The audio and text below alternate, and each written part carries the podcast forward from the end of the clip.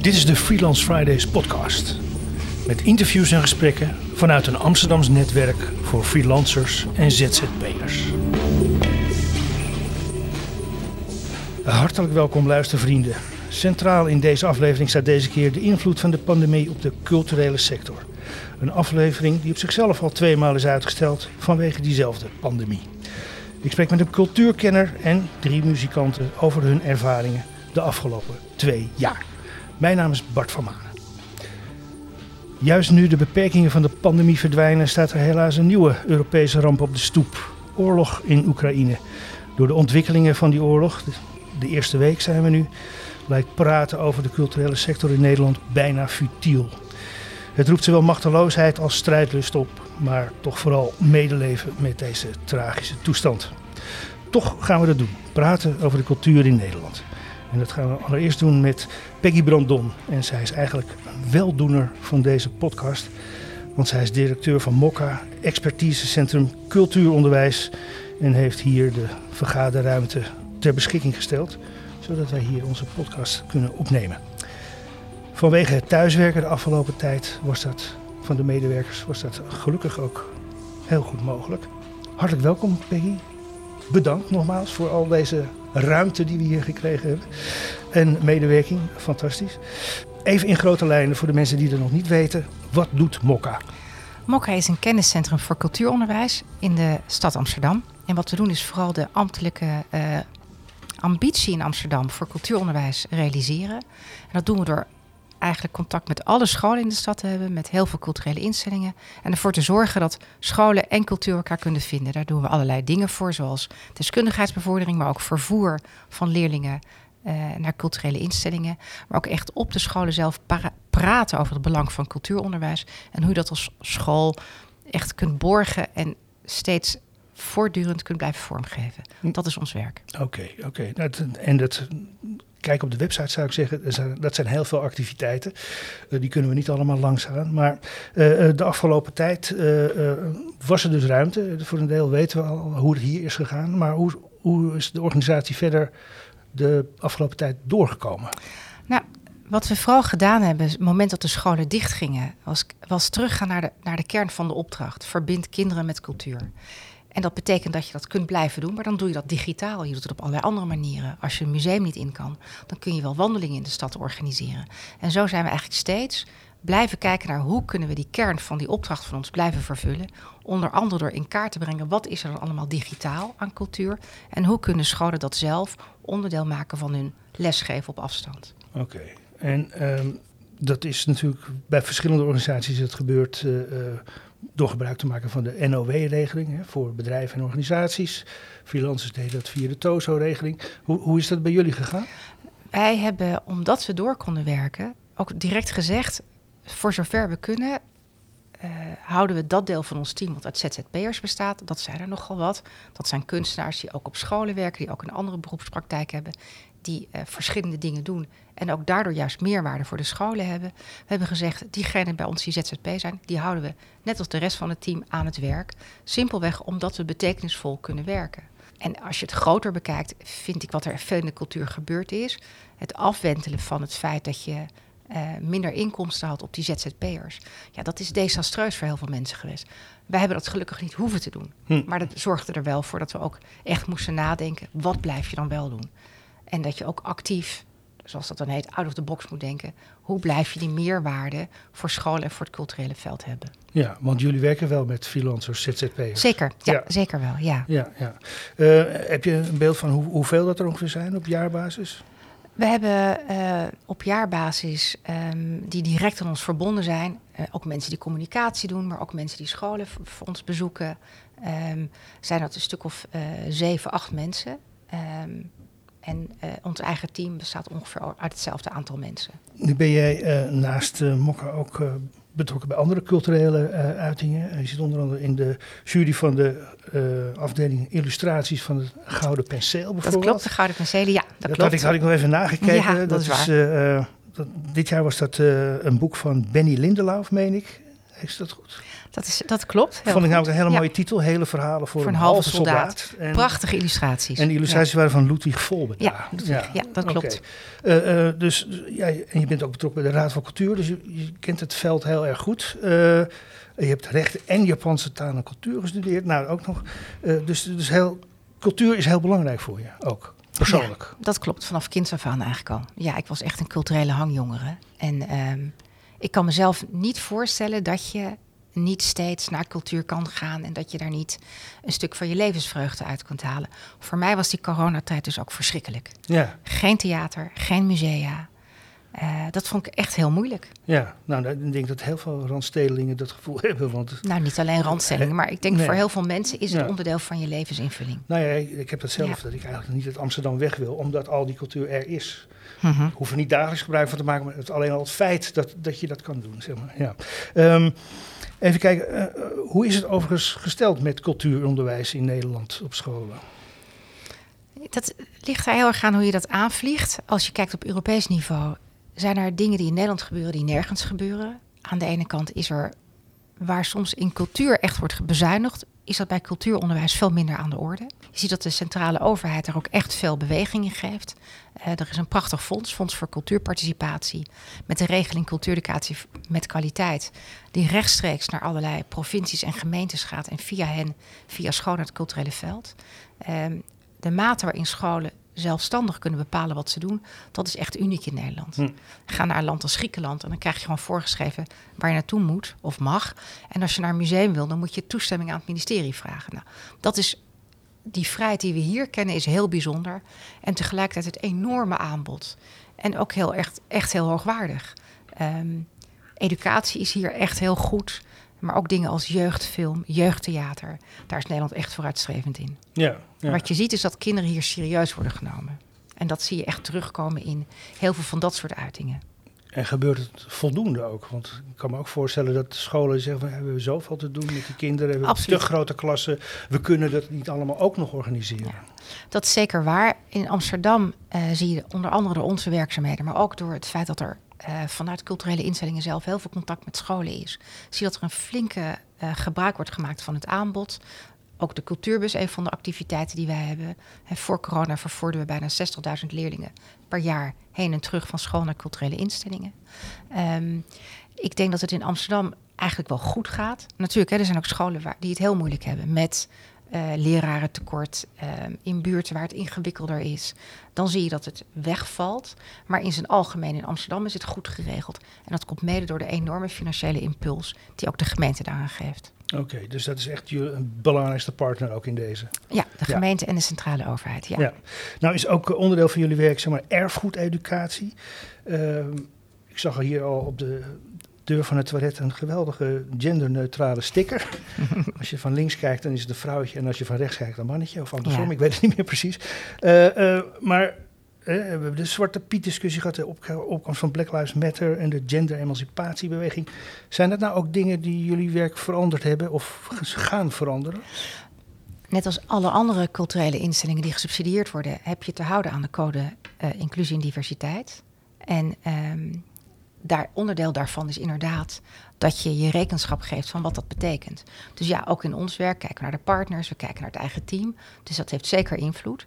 En in een stad als Amsterdam, waar 23% van de leerlingen in het basisonderwijs een islamitische achtergrond heeft, moet je ook je rekenschap geven van wat bied je een school aan? Wat is het gesprek wat je met de school voert? Hm. Um, zijn er beperkingen vanuit de religieuze achtergrond van de ouders? Dat is ook een vraag die je moet stellen. Um, wat kan wel? In dat geval, hm. heel veel kan wel. Je kunt naar musea, je kunt naar muziekvoorstellingen. Dus het is wel echt heel belangrijk dat je steeds kijkt naar hoe ziet die maatschappij eruit. Hm, hm. En zeker, natuurlijk heeft dat invloed op ons werk. Ja, nee, dat vroeg ik me af, omdat je natuurlijk... Uh, Kijk, docenten zullen over het algemeen uh, niet erg, erg schrikken van jullie programma's, maar misschien ouders wel. Dat kan, dat, dat zou zeker kunnen. Um, um, Tegelijkertijd denk ik dat je ook daarin, hè, dat heet eh, onder andere door ouderparticipatie, dat ouders er heel goed in kan meenemen. Er zijn ook scholen die dat ook echt doen. En waarbij we ook met ouders uh, gesprekken hebben en ze soms ook meenemen naar culturele instellingen. Maar wat je ziet is dat veel scholen zeggen eigenlijk, als je bij ons inschrijft als leerling, je kinderen, dan teken je ook meteen een ehm, een brief, een ontheffing dat kinderen meegaan naar cultuur. Dus je kunt al heel veel ondervangen het moment dat die kinderen naar school gaan. Maar als we nou praten over scholen met een hele duidelijke religieuze signatuur, of het nou een Joodse school is, of een islamitische of een gereformeerde school, dan praten we heel goed met de school wat kan wel. En dan zorgen we ook dat het aanbod wat daarbij past, dat dat ook bij hun bekend is. Ja. En breek je daarmee verzet of krijg je dan weigerachtige tafereelen? Nou ja, verzet, weigerachtig. Ik denk helemaal niet in die Hm. termen. Ik denk dat het belangrijk is dat je, dat je scholen helpt keuzes te maken die passen bij de achtergrond van hun leerlingen. Eh, nou was ik eh, eh, ter voorbereiding van het vorige moment, dat was in december, dat we dit gesprek zouden gaan doen in eerste instantie. Was net Natasja Kensmeel, die had de Johannes Vermeerprijs gekregen. En Nou, dat was een heel, ik, ik heb wel het een en ander van het werk gezien, dat best heftig. Je hebt ook een Surinaamse achtergrond. Was je er toch trots op dat dit zo als culturele uiting opeens in het zonnetje kwam te staan? Ik weet niet of je dat werk gezien hebt. Dat ja, zijn, ik ken het werk zeker. Ja, ja, ja. Ja. Ehm, maar de regentessen, een beetje ik weet het. Ze 17e hingen in eeuwse ik portretten. ken ze. Ze Ja. hingen onder andere in de Hermitage. Ja, Heel ja. interessant, hè? In die galerij met al die grote portretten, eh, veel 17e eeuwse portretten, hingen daar die prachtige portretten van haar. Ik denk, ongeacht wat mijn achtergrond zou zijn, ehm, is het gewoon heel sterk en mooi werk. En heel meerlagig. Eh, ook door het gebrek aan kleur wat, je, wat, wat ze gebruikt. Of hè, tweekleurig zijn ze, monochroom ja, ehm, zit er te- aan de ene kant zie je die, die pracht en die praal er doorheen schijnen. Maar je ziet ook een soort ja, verdriet of ev ook de doodsheid, soms van rijkdom of Ja. van je eigen handelen. Heel indrukwekkend werk. ja, ik vond Dus- het ook, het doet af en toe pijn in je ogen. Ja, zeker. Het zijn twee, twee zussen die alle twee kunstenaar zijn. Alle twee een hele eigen manier van kijken hebben naar de wereld. En maar wel vaak met die achtergrond die ze zelf als, als met in je achtergrond tot slaafgemaaktheid eh, hebben. En dat komt terug in hun werk. Heel fa- fascinerend en meer dan verdiend. Oké, ja, nee, ik vind het ook prachtig, geweldig. Ik ben echt fan van alle twee, van alle twee de kunstenaars. Dus Oké, ja, ja, ja. Nou, eh, een beetje tot slot eigenlijk. eh, de culturele sector die gaat nu, eh, het wordt een beetje weggedrukt allemaal door de oorlog in Oekraïne en dergelijke. Maar ja, we kunnen weer naar optredens, naar theater, naar bioscopen. Hoe zie jij eh, eh, de hele culturele sector, het culturele veld eh, zich herstellen? Gaat dat gebeuren of gaat het lang duren? Of ik hoor eh, ook allerlei problemen in de theaters, waar, hè, waar de artiesten geen technici meer hebben, want Nou, die hebben zich laten omscholen, Ja, allemaal dat nou soort ja, ik situaties. ben geen trendwatcher in de cultuur, maar wat ik wel zie is dat in die periode dat er minder werk was, dat mensen naar andere beroepsgroepen zijn gegaan. Dat zie je ook in de horeca. Al die studenten die eerst in een café werkten, die zijn andere dingen gaan doen. Ehm, dus ja, dat zal iets zijn ehm, eh, wat invloed heeft. Tegelijkertijd hoop ik dat het ook een moment is om te kijken naar al die MBO-jongeren die ook een kunst en cultuur en een techniek achtergrond hebben en die de eh, instellingen in kunnen gaan stromen. Dus hè, soms is het gebrek aan iets ook meteen een opening voor een nieuwe groep mensen om naar binnen te stromen. Dus ik hoop dat daar ook gebruik van wordt gemaakt.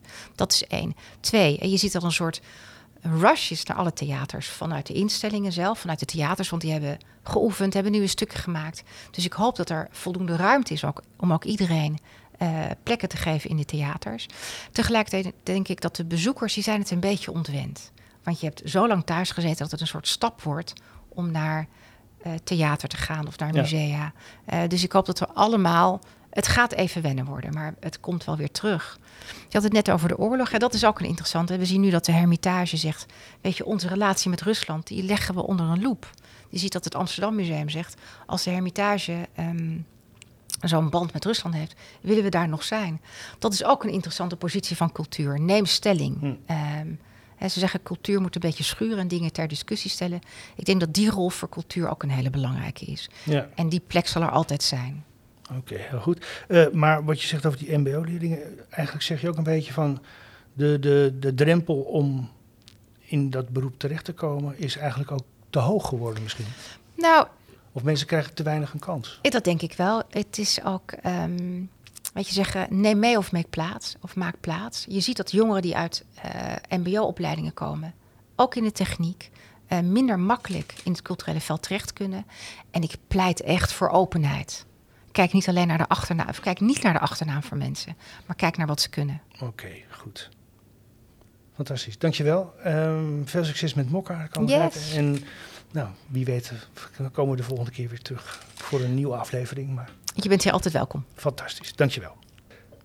Dan nu een gesprek met Marianne Selliger. Zij is eh, klassiek zangeres, eh, alt- en mezzo-sopraan. En zij moest op haar eigen manier de zeilen bijzetten tijdens eh, de pandemie. Vanwege een serie concerten kon zij ter elfde uur helaas niet bij deze opname zijn. Maar we maakten een gesprekje met haar. Daar komt het. Nou, de gaskachel ruist en eh, we zitten in het muziekatelier aan is repetitieruimte van Marianne Selliger. Ehm, zangdocent, eh, daar heb je net het een en ander over verteld. En zangeres, klassiek zangeres, alt- en mezzo-sopraan.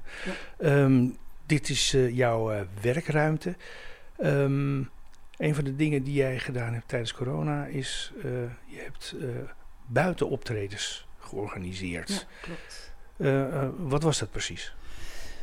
Eh, nou ja, de corona begon en we hadden het, eh, dus mijn man en ik hebben een duo, duo sax en stem. Daar heb ik allemaal muziek waar ik er zelf erg van hou, heb ik omgeschreven voor die bezetting, want daar bestaat natuurlijk helemaal niks voor. En dat, dat eh, is een heel scala aan stijlen. En wij kwamen per toeval terecht bij een, een, in een heel grappig hofje in Amsterdam, het Okkelhofje. Ehm, waar we een, een, dat programma brachten. En de mensen, veelal oude mensen die daar wonen, die werden daar zo ontzettend blij van. Dat ik op dat moment, dat was echt begin van corona, ik weet niet uit mijn hoofd, eh 20 maart of zoiets, het idee kreeg, kreeg van ik ga gewoon alles, eh, alle verpleegtehuizen in de stad ga ik eh, opbellen en kijken of we daar misschien ons programma kunnen brengen. En dat heb ik vervolgens gedaan. Dus ik heb, eh, nou, ik weet niet, wel iets van 70 verpleegtehuizen gebeld, als het niet meer waren. En eh, verteld dat we gratis en voor niets voor hun komen spelen, zingen. Maar dat we beroeps zijn, dus dat het een vergoeding welkom is.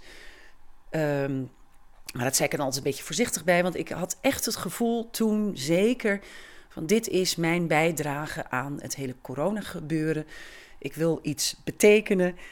Ehm, en het, de leuke bijkomstigheid is dat ik natuurlijk, of dat wij alle twee aan het werk bleven en dat ik mijn stem kon blijven trainen.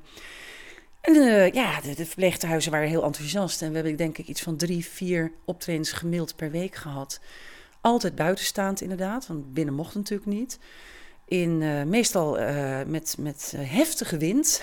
dat was heel grappig. En uh, ja, soms ook absurde situaties waar, waarbij we helemaal niemand zagen zitten. Dus we tegen een soort, ja, tegen een grote muur aan speelden, zongen. En, en, en dan op een gegeven moment misschien een klein grijs bolletje tevoorschijn kwam. Maar dat er geen interactie was.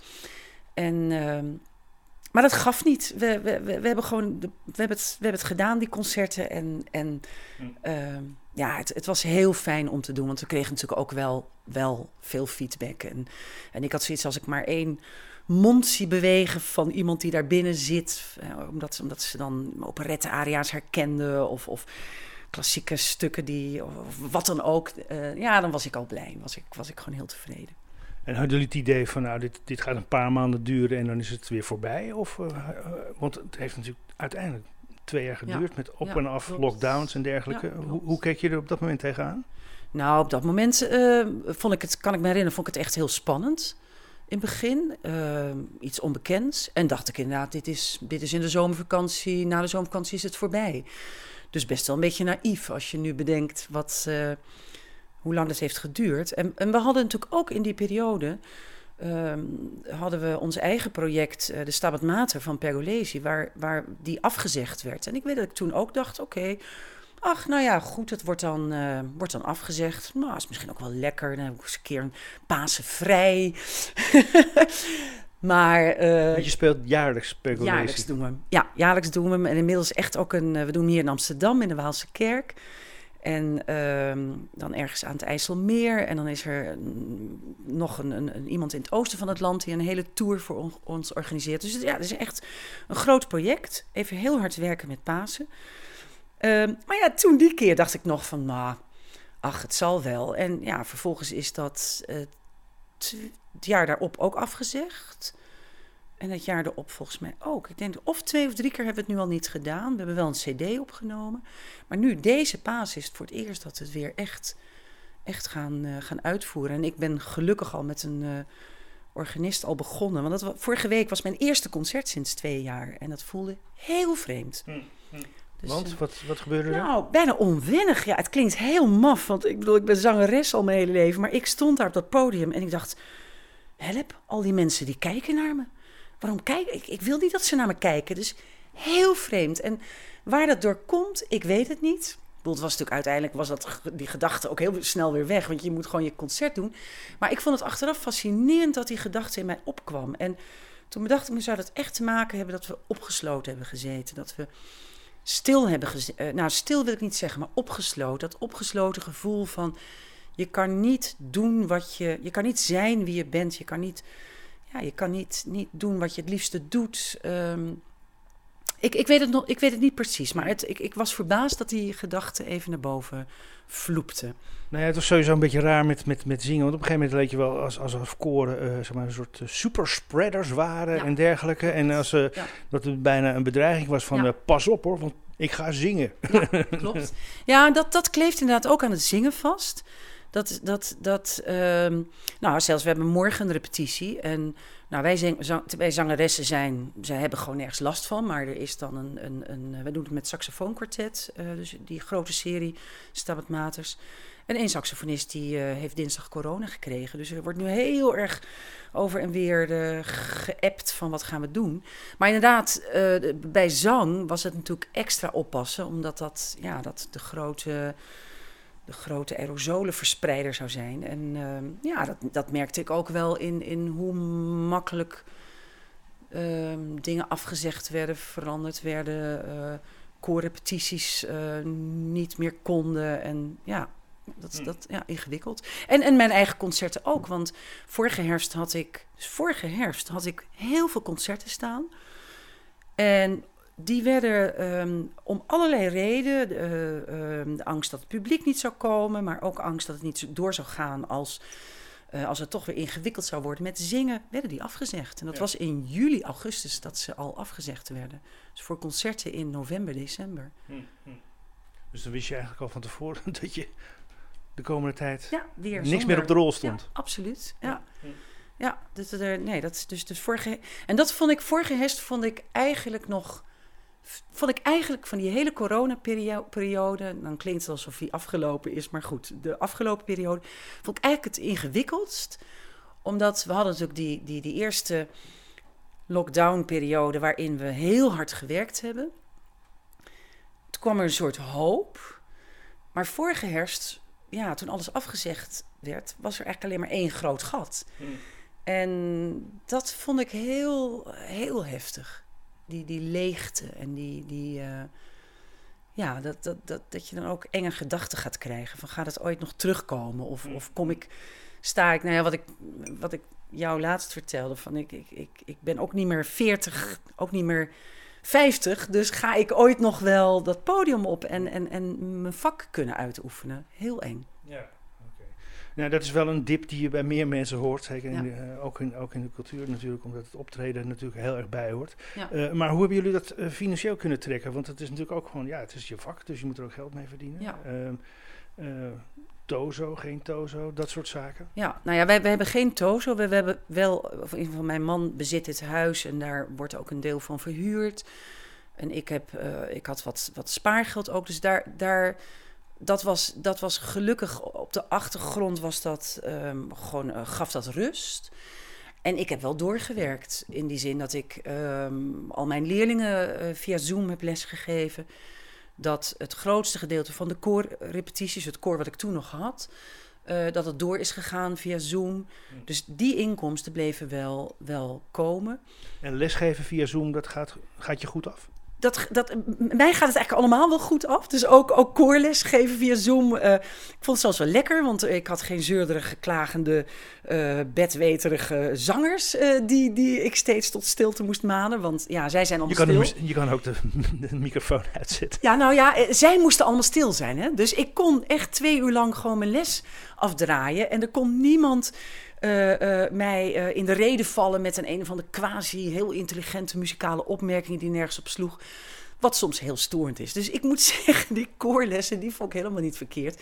En ik heb, ja, ik barst van de energie, dus ik vul die twee uur wel. En, en ik moest alle, ik zong alle stemmen voor en ik, ik vond het niet erg. En of het werkt, is een hele goede vraag. Ik denk het uiteindelijk niet. Dat bleek ook wel toen we dan weer fysiek bij elkaar kwamen. Dat er was niet heel veel blijven hangen van de, van de koorlessen.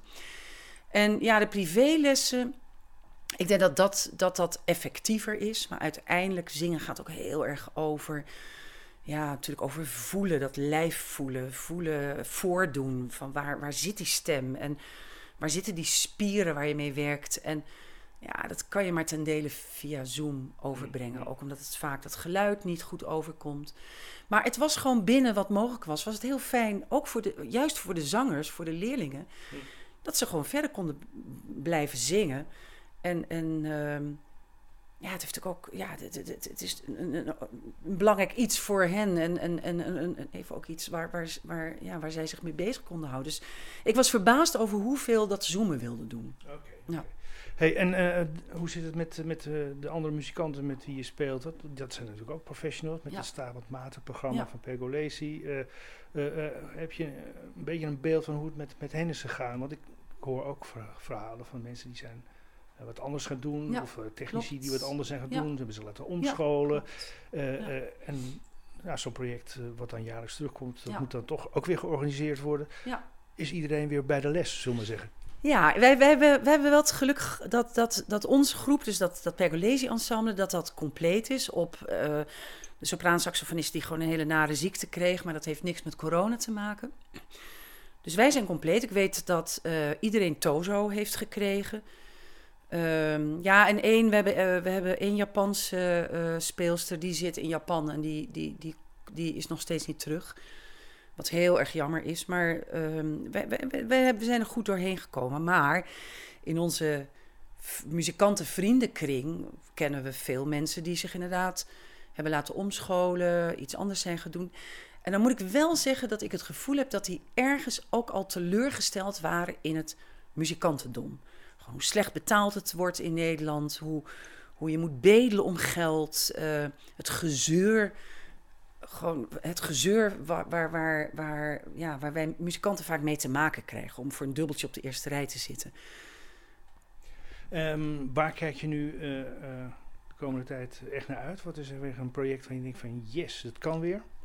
Ja, die staat het mater. Omdat dat stuk ehm, zing ik al sinds mijn conservatoriumtijd. Ik heb in Oostenrijk gestudeerd en daar, daar ehm, zong ik het eh, nou, natuurlijk altijd in, eh, in, in, in missen. Heel katholiek als Oostenrijk is.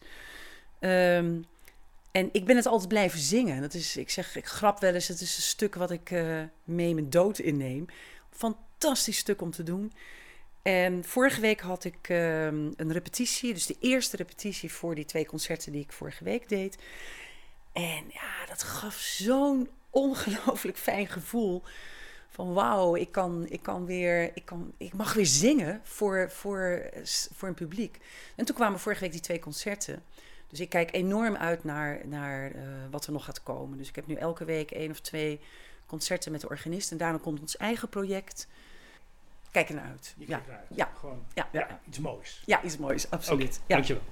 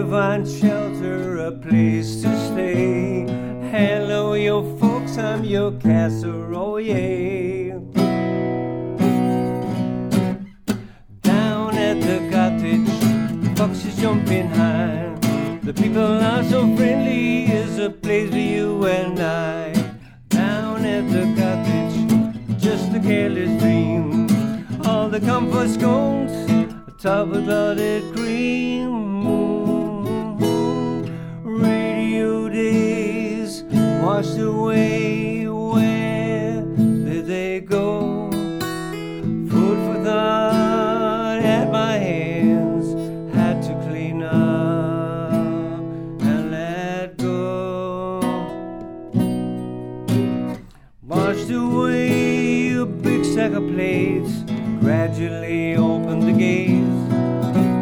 Ate some soul food, I like it, it's good, uplifting my mood.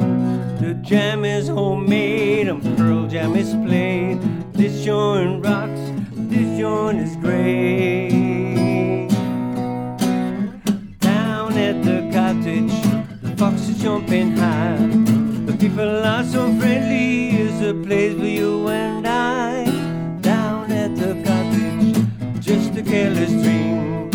All the comfort scones, top without it cream.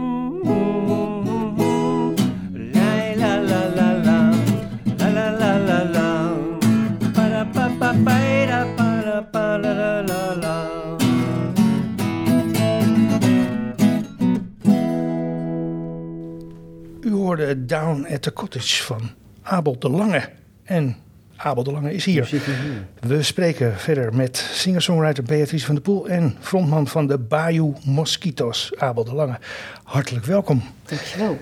Ehm, ja, eh, coronaperiode en hoe jullie dat hebben doorgebracht.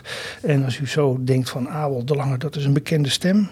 Dat klopt, want Abel heeft lange tijd een programma gehad bij Radio Noord-Holland en was daar ook muzieksamensteller. Abel, laat jou, bij jou even beginnen. Dit liedje was een opdracht, of een, een, een, een, moet ik zeggen, een, een nee, ik zeg het Geen opdracht. Het was geen opdracht, het was een ode Ja, een ode. aan een werkgever van jou. Nou, ik ben, ik ben eh, vijf jaar geleden weggegaan bij Radio Noord-Holland. En toen eh, viel ik in een gat. ja, en eh, dat was eh, best wel confronterend. Eh, want ik heb het wel 38 jaar gedaan en dat is vrij lang eh, bij dezelfde werkgever. En ehm, toen dacht ik, mijn god, wat moet ik nou doen? En toen was mijn vrouw bij een, een restaurantje in Oost. Zat daar heerlijk te eten en er hing gevraagd afwasser, koekjesbakker. Ga, en ze zei, loop naar binnen, ga wat doen. En ik dacht, "Huh, moet ik, wat moet ik daar nou weer? Ik heb trouwens voor Radio Noord-Holland ook, was ik ook afwasser bij de... eh, hoe heet die tent ook weer in, eh, in de Van Baarlestraat? De, de Knijp. Ja. Oké, Eh, dus dat is voor mijn ik was al Sorry. gepokt, ja. Maar die is er nog, hè? Ja, dus ik ben gepokt en gemazeld. Enfin, ik liep naar binnen en ik dacht, nou, in godsnaam, maar ik moet wat doen. Ik moet iets doen. Onder de mensen zijn. En ehm, toen eh, bleek dat een club, eh, het zijn vier eigenaren, twee stellen, super aardige mensen. Dus ik, was, ik werd verliefd op die mensen. Ja, ze zijn zo aardig en leuk. En dan ga ik maar af als ik hem het schelen, weet je wel. En ik, ik hoorde weer ergens bij. Oké. Eh, dat is natuurlijk, dat, dat was de, de, de crux. Hm. Dat je, want je, als je bijna 40 jaar ergens wer- werkt, dan hoor je ergens bij. Ja, En dan ben je opeens eh, zoekende en dan weet je het even niet meer. Nou, dus de, de muziek is natuurlijk nooit weggegaan, maar ehm, ik wilde weer ergens bij horen. En, Oké, eh, ja. Ja, dat is gelukt. en je hebt natuurlijk nu een enorme stap gemaakt in je koekjesportfolio. Precies. En dat is ook niet mis, weet je. Kijk. Daar moet je ook aan denken, aan je koekjesportfolio. Dat is heel belangrijk. Oké, Ja. goed. Nee, want je hebt natuurlijk een enorme eh, ervaring ook al in de muziek. Je speelt al heel lang in bandjes. Eh, de Ja, Bayo, vanaf- de Bayo Mosquitos is niet de eerste. Zo. Nee, nee, nee, nee. Ehm, ik, ik, ik heb vanaf mijn twaalfde speel ik gitaar. En vanaf mijn vijftiende speel ik met, met, eh, in bands met, met eh, vrienden en bekenden. En dat is ook wat het zo verschrikkelijk leuk maakt. En wat ik ook zo heb gemist in deze tijd. Ja, ja. Weet je, en er zijn, je moet ook altijd oppassen met wat je zegt, want er zijn natuurlijk grotere problemen. Dat weet ik heus wel. Maar desalniettemin, eh, gisteren repeteerden wij weer, zaten we weer lekker bij elkaar. Om de koffietafel bij Louis. En dan is het weer. Eerst is er een, eh, een half uurtje zeuren over je gezondheid. Dan mogen we allemaal even wat zeggen daarover. Of dat je naar het ziekenhuis moet, of eh, dat je een onderzoek of whatever. En dan en dan gaat er iemand, gaan we nog spelen? Weet je wel? Nou ja, en dan Ja. gaat het los. En dat is het. Ik, ik weet weinig dingen die leuker zijn dan dat. Nou, nogmaals, eh, ja, eh, kijk, als je met mij wilt dealen, moet je, moet je een aardige, moet je aardig zijn. ik hou van aardige mensen. En eh, ik, ik, vind- ja, ik, eh, daar kom je met mij heel ver mee. Oké, nou dat treft. Beatrice van der Poel is hier ook. Nee, die is ook heel aardig. Die is ook heel aardig. Ja, ik, ken- ik ken Abel natuurlijk van eh, Radio Noord-Holland. Ik weet dat, dat jij mij interviewde jaren geleden. En dat vond ik heel spannend. En jij had ook echt verstand van muziek en zo. Hij stelde de goede vragen, echt de muzikantenvragen. Oké, ja. want dat heb je ook heel vaak met, met dat, dat mensen eigenlijk heel, ja, ja, heel stomme vragen stellen van als aan muzikanten.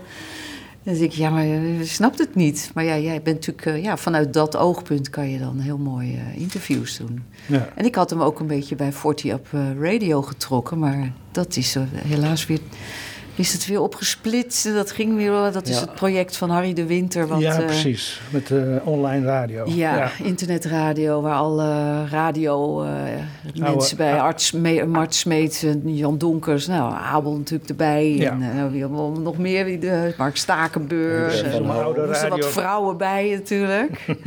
ja. Ja. Maar ja, dus we zijn nu opgesplitst in, eh, nou ja, We zien ook, ja, het komt wel goed. Het komt Ja. wel goed. aan. Wel, we komen Nou, goed. elkaar wel weer tegen. In tegenstelling tot Abel heb jij eh, geen 38 jaar een werkgever gehad. Jij bent al langer eh, min of meer ZZP'er, freelancer. Ja, ik heb eigenlijk nooit een werkgever gehad. Nee, bizar. Ik ben eigenlijk van de kunstacademie meteen eh, de ZZP-vak in, ingerold als kunstenaar, eh, artiest. Ik kwam bij de parade terecht, bij Terts Brinkhoff. eh, Die zocht een, eh, eh, die zocht een, een, een kinderprogramma op de parade en, een, en ik had een jazz-act in, in, in de bogentent.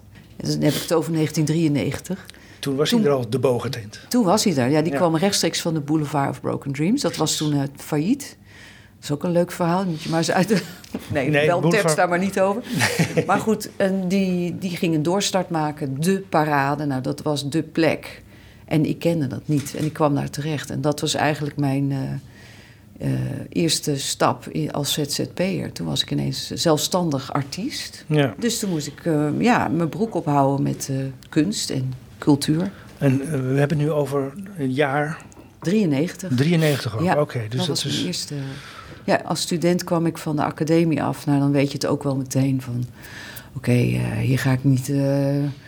weet je, hier ga ik Hm. mijn geld niet mee verdienen. Dus ik, subsidies, Ja, startstipendia ja. en zo. Maar eh, toen, ja, toen ben ik echt eh, gaan, gaan zingen op de parade. Vier goed, het- sets op een avond, echt. echt. Ja, maar dat was begin jaren 80, dus 1993. Of, of, eh, 93, Ja. sorry. Eh, eh, en je hebt intussen ook heel veel verschillende dingen gedaan. Ja, je hebt in het Nederlands gezongen, in het Engels gezongen. Je hebt samenwerking gehad met verschillende ar- Nederlandse artiesten, dichters, schrijvers. Ja. Daar gaan we het zo misschien nog even over hebben.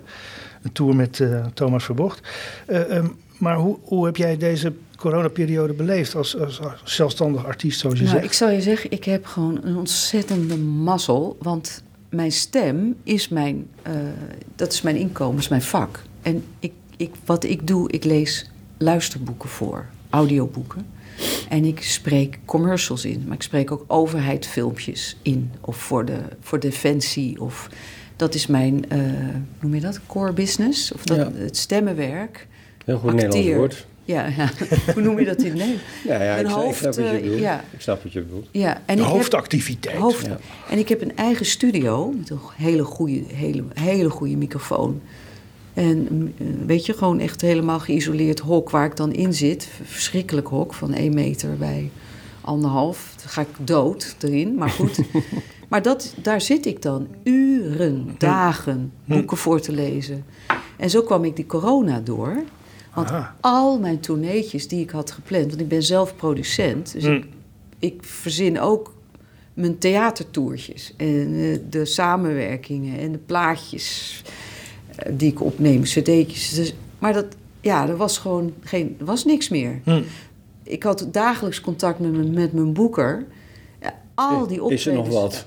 Ja, er was gewoon alles werd afgezegd, afgezegd, verplaatst, gecanceld. precies. En je wist ook van een, van een verplaatsing, dat kwam nooit meer goed, hè? Nee, nee. Dat wist je ook al. Ja. Weet je, de hitclub of zo, van die, echt van die slagroom, hoe noem je dat, slagroom op de Ja. taart, van die leuke projecten. Ja, Het is allemaal, was allemaal weg. het is allemaal Ja. verdampt ook. Allemaal verdampt. Ja. Oké. Nee, want ik, ik weet ook wel. Ik heb ook een paar keer wilde ik naar Abel. Ja. Ja. En dat is, ging Afgelast. afgelast. eh, Verplaatst naar en, en dan weer een keer. Nou, je- eh, eigenlijk Ja. zou de... Want ik heb een, eh, een avond 25 keer georganiseerd in het Betty Asphalt Complex, Abels Americana. En eh, Zouden de zusjes van de pool, Bea en Vera, die waren mijn gasten. En eh, ja, dat ging natuurlijk ook niet Ik door. ben volgens mij vier keer verplaatst of zo. ik Ja, veel. ja, nee, dat is echt Ja, verschrikkelijk. En ik heb inderdaad ik heb, ik heb een heel pak eh, tickets voor concerten van Noem Los Lobos, Pokey Lafarge. Kan ik allemaal wegsmijten. Weet je, die- dat- Ga niet meer door. Nee, die gaan er gewoon niet door. Nee. Kom, er gaan wel dingen wel door, dat is natuurlijk fijn. En, eh, en dan vervolgens kreeg je de vraag: wil je de, je eh, ingelegde geld aan, aan Juist. Paradiso geven? Schenken. Want dan kunnen we, eh, daar kunnen we, Ja. wat kunnen we daar allemaal mee doen? Ja. Dat doe ik ook altijd wel, weet je wel. Want ik vind het, ik weet, ik weet aan de andere kant, van de andere kant van de streep hoe het voelt Ja. als het niet doorgaat. Dus, eh Ja. enfin, hoop geklooi en gezeik, maar enfin, we zijn weer begonnen. Twee jaar heeft het geduurd. Ja, precies, precies. Ja. Eh, dat geldt natuurlijk ook voor jou. eh, eh, maar even terug naar het werk wat je gedaan hebt. Was het ook zo dat eh, dat inspreken van boeken... eh, dat het eigenlijk heel veel aanbod was... omdat vanwege de pandemie er ook meer Nou, vraag was? In het begin, toen het echt, die eerste lockdown, waren ook al die studio's dicht. Waar je normaal eh, commercials opneemt of eh, Hm. hè, g- geluidsopnames maakt. Ja, Want mo- mocht niet meer, dus alles was dicht. Dus, en er waren heel weinig stemacteurs die technisch het niveau eh, konden leveren eh, van, in een thuisstudiootje. Dus daar, die kregen de eerste belletjes. En ik kon het dus leveren, ook binnen, weet je, weet ik veel. Gewoon, als ze belden, had ik gewoon binnen een uur had ik het al. ja, ja dus dat was Ging een- het allemaal voor jou was het eigenlijk een, een druk op tijd. Dat was echt, voor mij was het echt in, eh, in eerste instantie. Ik dacht, oké, hier nu het gaat goed, weet je wel. Maar op een gegeven moment was het aanbod natuurlijk, ging iedereen het doen. Dus toen Hmm. eh, verslapte het weer. Maar, Ja, ja. maar ik, ik moet je eerlijk zeggen, ik heb met, met natuurlijk heel veel muzikanten zien omvallen. Echt, eh, vooral heel veel jonge mensen die ook geen buffer meer, meer hebben of nog niet hadden. Ja. Ja, weet je, ja, die toeneetjes hadden met eh, een nieuwe cd. eh, Precies. allemaal, ja, die gingen allemaal om. En depressies, heel veel mensen ook depressies. Ja, want dat, dat zijn natuurlijk, dat soort verhalen hebben jullie natuurlijk ook veel meer gehoord. Eh, er zijn natuurlijk inderdaad mensen eh, die zijn ermee opgehouden, zijn gaan omscholen, andere dingen gaan doen. Maar dus ook, ook, ook dit soort eh, leed, gewoon echt geld op, depressie en, en Ja, ik ken wel een, ah, vooral veel... Ja, ik ken artiesten die echt in een soort dip terug... Nou, jij had het net over een dip. Ja, Eh, ja, flinke dip. Had ik Ja. nog nooit gehad. Ik denk Ook dat het te maken heeft met eh, artiestendom, heeft ook te maken met een enorme. Ehm, als je optreedt, dan krijg je een enorme adrenaline kick. Net zoals als je veel aan sport doet, maak je een bepaald soort stofjes aan. Ja. En dat is toch ook een beetje verslavend. De Absoluut. spanning en, Absoluut. en de ontlading. hè? En, endorfine heten ze gewoon. endorfine en daarna backstage en dan losgaan en weet je wel. Dus er waren ook heel veel artiesten die dat in één keer zo moesten afkicken van een soort doop. Dat idee. En daardoor ging, ging, die, Absoluut. ging die dip zo diep. Ja, ja, ja, ja. Ja, ja god, je, als je eenmaal dat, als je eenmaal op het podium hebt klommen en mensen lachen om jou of re- reageren om jou of vinden je muziek leuk, dan wil je er gewoon weer. Weet je Ja, wel? ja. En dan, eh, dat is gewoon, als je dat een beetje kan en een beetje aardig vindt, dan, dan wil je gewoon dat het gewoon zich herhaalt. Ja. Maar ja, dat ging niet. Nee. Dus za- zaten we thuis, achter de buis. Ja. Precies. Ja. En dat, soort- dat soort verhalen van... eh, want wat ik ook terughoor uit de interviews en zo die er nu de ronde gaan... is Ja. dat, eh, eh, dat artiesten zeggen van... ja, ik wil wel weer optreden, maar mijn technici zijn weg. Ja, dat hoorde je Ja, net daar ook. heb En ik, hebben jullie- eh, hebben jullie daar heb ik geen last van? last van. Nee? Nee? ik heb gewoon een vaste club van eh, jongens die kan bellen, mannen die kan bellen. En die heb- hebben het nu ineens heel druk. Maar eh, nee, ik heb daar geen last van. Oké. Is dat een ander, eh, ander segment? Wij doen het geluid zelf. Dat is Ja. geen probleem. Ja, je moet, Ja. je moet, je moet eh, een beetje handig zijn. Nee, dat helpt. En dat heeft natuurlijk mij ook wel geleerd in deze eh, pittige periode... Om, om te kijken wat er wel kan, weet je wel. Je, moet, je kan natuurlijk de hele tijd gaan smiepen... maar daar schiet je Nee. ook niks mee. Dat, Nee. weet je, wat, wat kan je wel doen?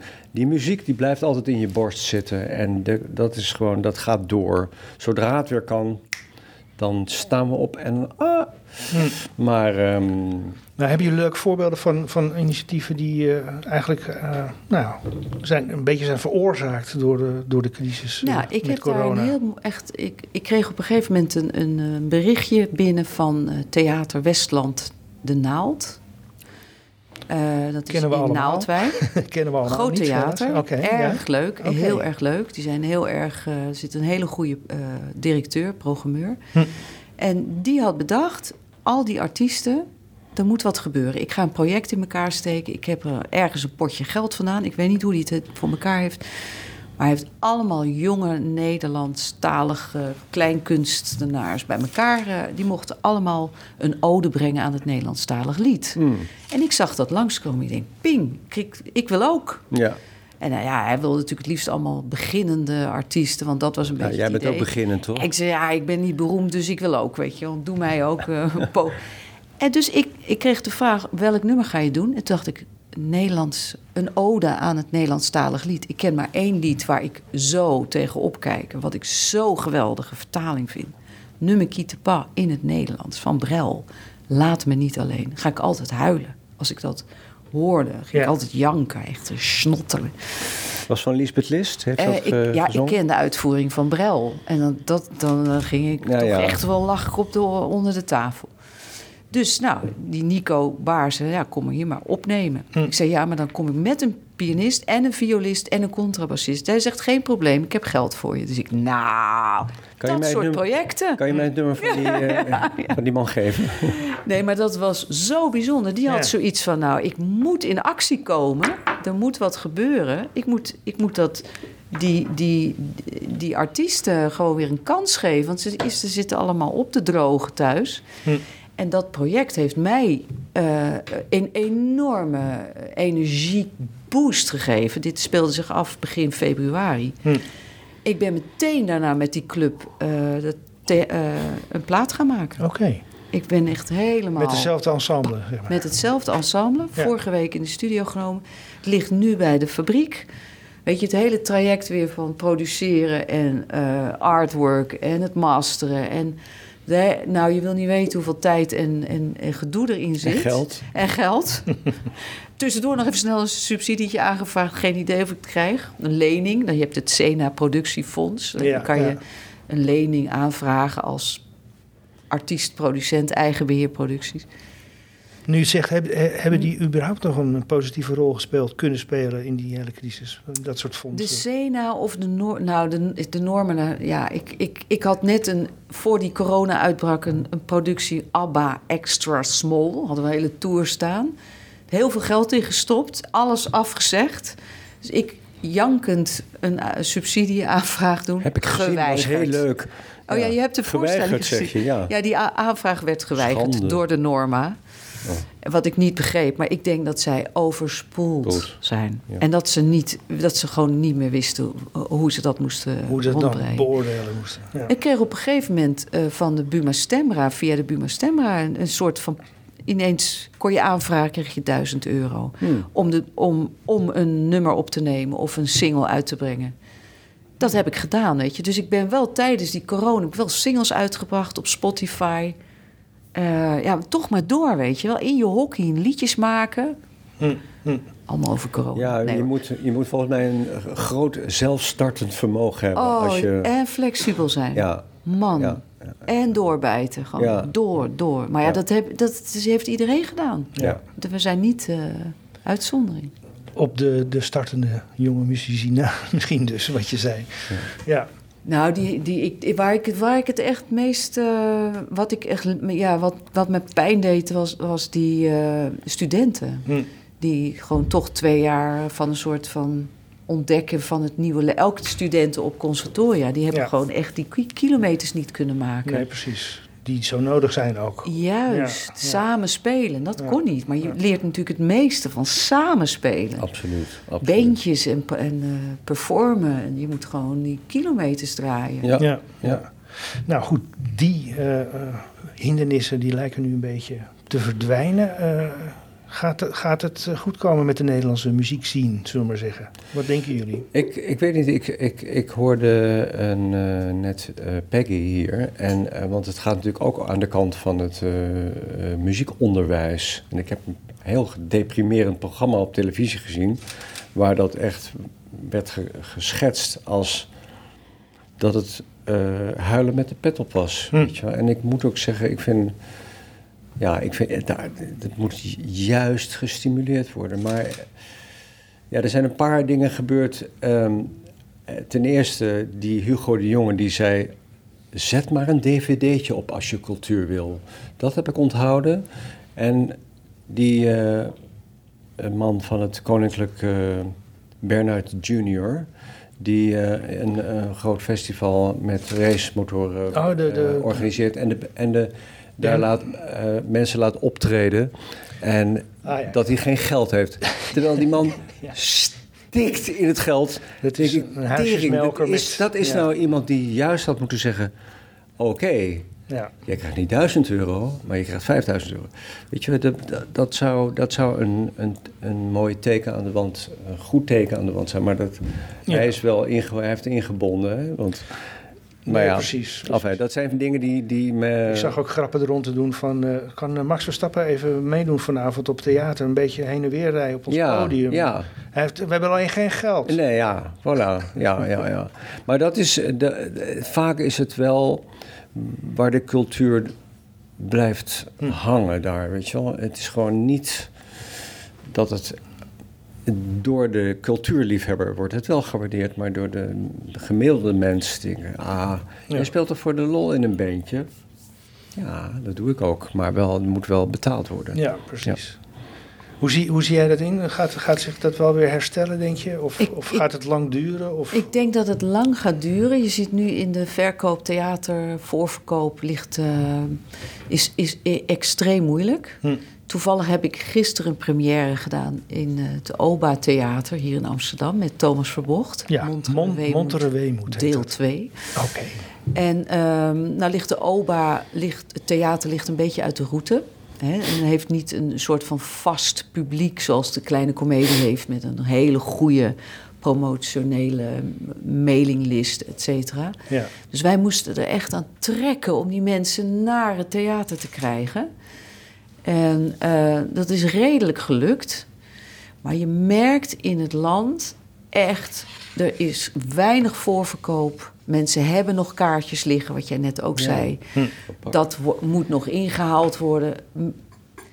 Dus je voelt wel de paniek nog steeds bij heel veel theaters. Die zijn, hebben natuurlijk moeten interen, vooral de kleine theatertjes met vrijwilligers. En eh, die ook al door de gemeente ook al weinig subsidie meer krijgen. Die al moeilijk hebben. Die zijn al Nou ja. getroffen door eerdere bezuinigingen. Ja, en wat je dan al. Ja. krijgt, dan mag je pay to play, heet dat. Dus hè, je betaalt als artiest om te mogen optreden. Is al zo Daar erg? kan ik een heel boek over schrijven, wat Oh. ik af en toe heb meegemaakt. Ja. En dat gebeurde nu ook weer. Ik ga geen namen noemen, maar dan heb je een jaar of twee geleden een, een contract afgesloten. Je komt daar met een gezelschap, je hebt technici mee, je hebt de, hè, dus, eh, decor, hele rattenplan. Dus je hebt een uitkoop afgesproken, Hm. prijs afgesproken. En een paar dagen voordat je komt optreden, en dan zijn die coronamaatregelen nog van, van kracht. Ja. Er kunnen dus maar een derde van de capaciteit in die zaal. Hè? Dus, de- dus je hebt het wel meegemaakt. Ja, ja. Ja, dus we betalen ook maar een derde van de afgesproken prijs. Dus de mentaliteit is niet alleen bij de regering zo, maar ook bij een aantal mensen die in bestuur zitten of directies Precies. Ja, van ja. theaters of over, ja, weet ik, culturele instellingen. ja. Ja, die willen een, een, een, niet een heel brood kopen, maar een, een, een deel van het brood. En de rest van het brood eh, willen ze niet betalen wat je dan hebt aangesneden. Precies. Toen was ik heel erg boos, toen dat gebeurde. is pas geleden. Ja. En toen heb ik ook gezegd, dan gaan we niet. Punt, klaar. Dat ga ik er gewoon niet doen. Want Nee. ik moet dan betalen om dat optreden te kunnen doen. Ja, precies. En dat kost mij 800, 900 euro. Moet ik daarop toeleggen. En zo blijf ik als producent bezig. Zo kom ik wel de tijd door. Ja. Nou, toen is het een beetje teruggedraaid. Daar schrok mevrouw toch wel een beetje van. Hm. En wat blijkt nu? Dus de, de meeste overheidinstellingen of overheids... eh, of de theaters hebben Ja. wel de mogelijkheid gehad van een soort van subsidie. Maar de artiesten niet. Nee, precies. En nu pas echt op het laatste moment heeft eh, het eh, Fonds Podiumkunsten heeft eh, artiesten of producenten en boekers eh, anderhalve week de tijd ge- eh, gegeven om een aanvraag te doen om met terugwerkende kracht Ah, tussen november of half december tot half januari je gecancelde of verplaatste optredens nog op, met terugwerkende kracht daar iets voor vergoed te krijgen. oké. Godzijdank. Hmm. Ineens, ineens is het gelukt. Wel mogelijk, Ja. Ja, Dus het blijkt dan weer wel te kunnen. Maar heel ingewikkelde procedure, maar het kan dus wel. Dus ik zeg, ja, Ja, nou ja, goed, dat is precies ook wat, wat, wat veel freelancers Ja. is overkomen. eh, Ja. Die als ZZP'er eh, eh, betaald worden. Die, eh, die zijn uit de keten zijn Ja. ze gestoten. En Ja. eh, eh, ja, Ja. die zijn echt eh, ja. som, in sommige gevallen inderdaad Ja. ten onder gegaan. Of hebben iets anders Ja. moeten gaan doen. Weet je, ik weet Ja. het, echt iedereen had het gewoon eh, heel moeilijk. Ja, Maar ik vond dit gewoon, ik, ja, ik vond dat gewoon te ver gaan. Het, het balletje terug, terugkoppelen Ja. naar de artiest. Op jouw ja, dan bord leggen. komen jullie Ja. maar drie liedjes doen. Ja, maar ik zeg, ja, maar, of Ja. ik zeg nu maar wat. ja. Ja. Maar ik vergeleek het gewoon met een brood kopen. Ja. Nee, ik wil niet het hele brood, maar doe maar één boterham van het brood. Ja, zegt die bakker, maar dan moet ik wel dat hele brood aansnijden. En Ja. Dat snappen ze dan niet of zo. Ja. Nee. Zo boos. Ja. Oh, oh. Abel, wat is het eerste leuke optreden dat jou Wat nu op- staat. in de agenda heeft staan? Nou, ik, eh, die, die, ik noem de twee dingen die niet doorgaan. Ik, ik ga ehm, aanstaande zondag naar de Tennessee Studs eh, in, in de middag in Paradiso om vier uur. Eh, die hebben een nieuwe plaat gemaakt. En ehm, daar ga ik, eh, dat zijn mensen uit Amsterdam, die ken ik. Ja. Daar ga ik kijken en lol maken. En je eh, eigen optreden? Ja, 29 april hè, in de nieuwe eh, KHL spelen we Abels Americana. Dat is een, een rootsavond. En dan komt Jerny Kate. En er komt nog een leuke verhalenverteller. Oké. 29 avond. 29 Dat wordt een april. En de KHL is echt een leuke plek. Ja, het is een Echt hele mooie tent. Ja, ik op ken de Oostelijke Handelskade in Amsterdam. Ja. Oké. Eh, Dezelfde vraag eigenlijk voor jou, eh Beatrice. Want jij hebt natuurlijk eh, verschillende programma's Ja. gehad. En ook met dichters. Hè. Ik noem even nog een dichter waar ik ook van ken. is eh, Frank Starik. F. Starik, die eh, overigens nu ook te zien is tot en met 5 juni. eh, een tentoonstelling gewijd aan zijn eh, leven. Eeuwig in aanbouw. Starik's leven als museum. Een boek wat hij ook heeft gemaakt ooit. En toen heb ik hem leren kennen.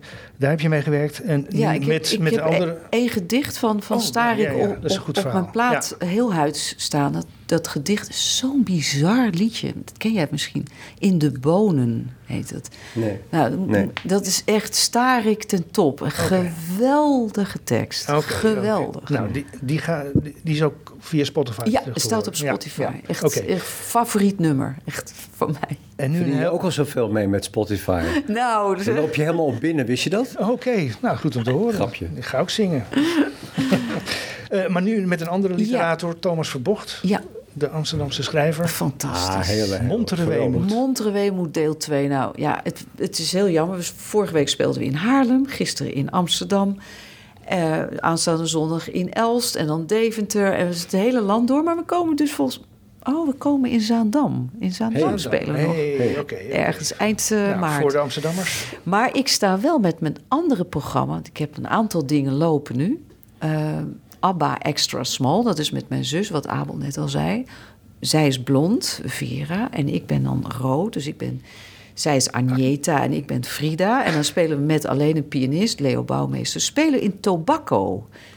En ik dacht uit mijn hoofd 8, 8 april of 12 april. Nou, Tobacco. Eh, Tobacco Zoek het Theater. op. Eh, waar, ABBA XS. en, en waar is het Tobacco Theater? In de Nes. In de Nes. Fantastische plek. Oké, eh, oh, dat is waar... eh, de- Geheime plek. Niemand weet het. Maar dit, nou, onderhand kent natuurlijk wel iedereen het Ja, wel. het moet, moet Een hele bekend leuke worden. plek. Zeg het niet voort, hou het geheim. Nee, nee, nee. Dit is echt een hele leuke plek. Oké. Zeg het wel en voort. ehm, ja, dat, dat andere programma wat ik ga doen, dus dat loopt. Montreux moet lopen, dan ABBA XS loopt. En ik ga met Mike Baudet op pad. Oké. Dat gaat ook lopen. Dan gaan we nu luisteren naar jouw uitvoering van Laat me niet alleen. Ja, die zit in de voorstelling met Thomas. Thomas vroeg aan mij van, je moet dat nummer spelen. Ik zei, dat kan ik niet. Jawel, dat moet je doen. Nee, maar dat kan ik alleen met een pianist of met een bandje. Nee, nee, nee. nee. Toen dacht ik, nou, ik ga akkoordjes uitzoeken. Was een hels karwei. Dus zo goed en zo kwaad als ik kan gitaar spelen... spe- zing ik dat liedje Laat me niet alleen. Laat me niet alleen... Doe vergeten strijd, doe vergetenheid. Laat me niet alleen. En die domme tijd, vol van misverstand. Ach, vergeten, want het was verspilde tijd. En hoe vaak hebben wij met één snijdend woord ons geluk vermoord? Toe, dat is voorbij. Laat me niet alleen. Laat me niet alleen. Laat me niet Lief, ik zoek voor jou in het stof van de wegen. De parels van regen, de parels van dauw. En ik zal heel mijn leven werken zonder rust. Om jou licht en lust, goud en goed te geven. En ik sticht een gebied waar de liefde troont, waar de liefde loont, waar jouw wil geschiet. Laat me niet alleen, laat me niet alleen, laat me niet alleen, laat me niet alleen, laat me niet alleen. Ik bedenk voor jou woorden rood en blauw, een taal voor jou alleen. En met warme mond zeggen wij elkaar was er een paar dat zichzelf weer vond. En ook vertel ik jou over die edelvrouw die stierf van nostalgie. Hunkerend naar jou, laat me niet alleen. Laat me niet alleen, laat me niet alleen, laat me niet alleen. Want uit een vulkaan die was uitgeblust, breekt zich na wat rust toch het vuur weer baan. En op oude grond ziet men vaak het graan heel wat hoger staan dan op verse grond. Wit mint het zwart, zwakheid mint de kracht. Daglicht mint de nacht, mijn hart mint jouw hart.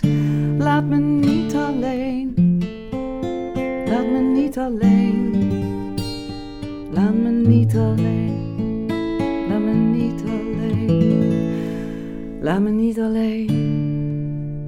Nee, ik huil niet meer, nee, ik spreek niet meer, want ik wil alleen horen hoe je praat, kijken hoe je lacht, weten hoe je zacht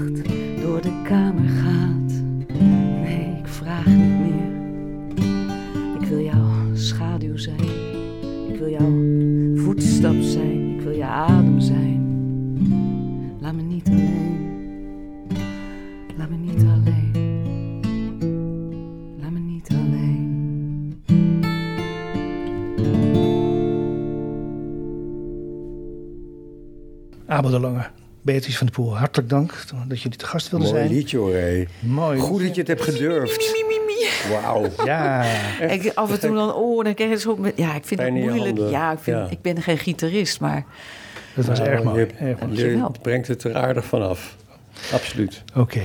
Nou, het gaat jullie goed. Eh, alle relevante links en websites zetten we in de show notes en op onze website. Dank wederom aan Mokka, expertisecentrum cultuuronderwijs voor de gastvrijheid. Dit was aflevering 9 van de Freelance Fridays podcast. Te vinden via de bekende apps en platforms. Opname techniek en apparatuur Amir Bar en Studio Klankplank. Joris Baas, bedankt voor de foto's en het verzorgen van de cadeautjes voor onze gasten. En Freelance Fridays podcast en webinars worden mede mogelijk gemaakt door onze sponsors Topic, Freelance Firm en Managed WP Hosting. En meer over onze eh, organisatie en de Freelance Fridays post, webinars en de podcast is te vinden op freelancefridays.nl. Tot de volgende keer.